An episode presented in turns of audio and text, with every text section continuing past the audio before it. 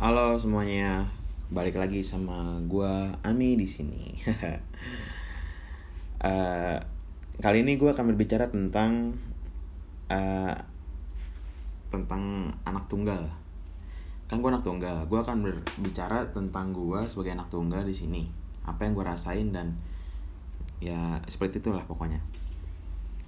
Yang pertama, banyak orang bilang kalau anak tunggal itu enak minta apa aja dikasih.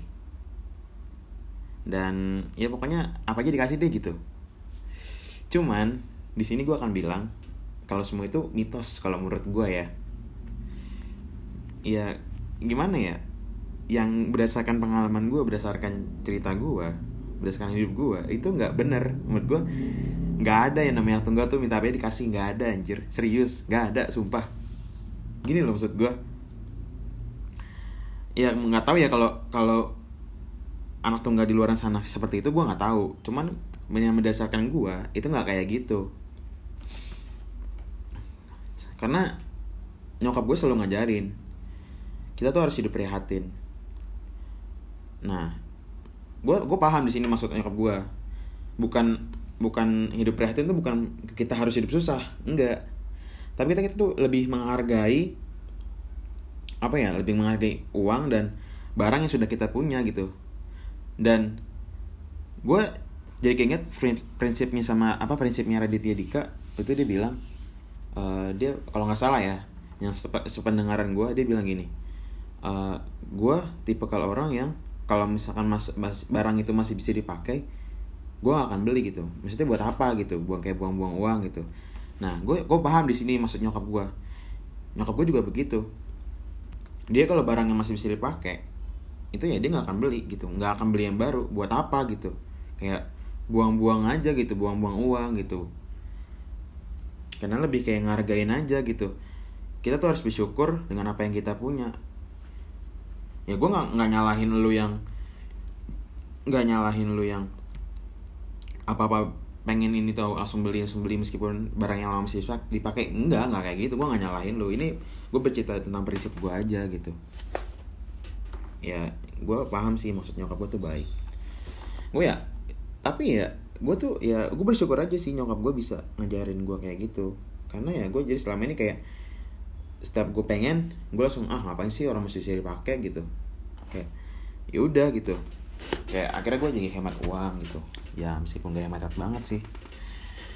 Terus juga uh, apa namanya?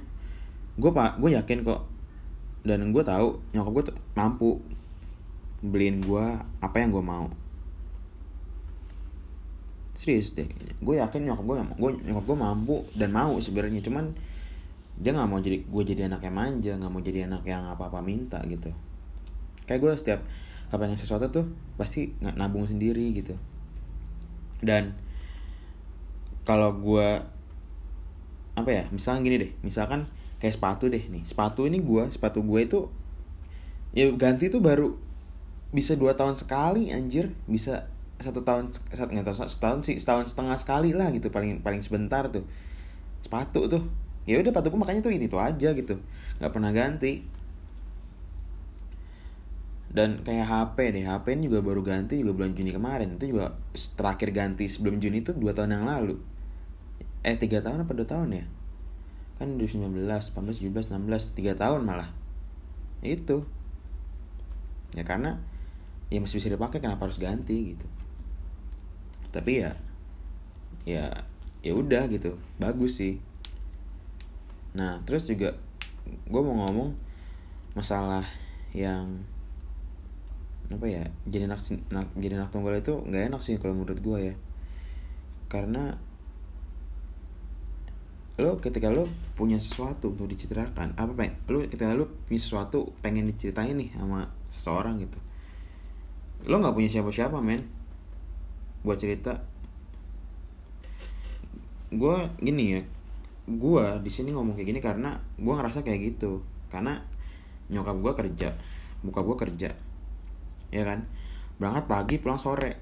Ketemu itu pada pada capek. Kadang ya gue mau ngomong juga kadang gue juga pernah nyoba nih buat ngomong tapi nyokap gue malah emosi malah marah gitu. Responnya malah marah karena ya capek. Dan makanya gue jadi kayak ya udahlah gitu. Kayak nggak bisa cerita gitu. Apalagi lu nggak punya kakak kan nggak punya adik. Kalau misalkan orang tua lu dua dua kerja tapi lu masih punya adik atau punya kakak lu masih bisa cerita masih enak gitu. Lah gue mau cerita sama siapa makanya gue sekarang bukan sekarang sih maksudnya gue lebih ceri sering cerita ke temen daripada ke bokap apa nyokap gue malah nggak pernah sih gue cerita tentang kehidupan gue kepada nyokap dan bokap. Ya udah gue cerita ke teman cuman akhir-akhir ini gue lagi kayak kurang percaya aja sama orang gitu buat cerita. Bukan kurang percaya sih kayak lebih ah tar aja deh gitu. Kayak misalnya kejadian nih gue kayak nahan cerita ya udah pendam sendiri gitu ya karena gak tau gue nggak gak ngerasa ya gitulah pokoknya. Cuman ya bersyukur aja sih kalau kalian bisa cerita sama nyokap sama bokap atau kakak sama adik gitu. Bersyukur aja serius deh karena ya nggak enak deh. Kayak kalau nggak nggak bisa cerita sama siapa itu nggak enak serius. Nggak enak. Kayak ganjel aja itu di hati. Cuman ya udah lah ya hidup harus bersyukur ya aja sih kayak ya udah gitu cerita cerita nggak nggak gitu. Ya udah apa sih? Ya udahlah. Terima kasih kalau uh, terima kasih udah dengerin gue udah dengerin podcast gue yang dengerin. Uh, kalau kalian suka terima kasih. Dan kalau kalian mau share ya share. Kalau enggak ya udah nggak apa-apa. Gue nggak maksa.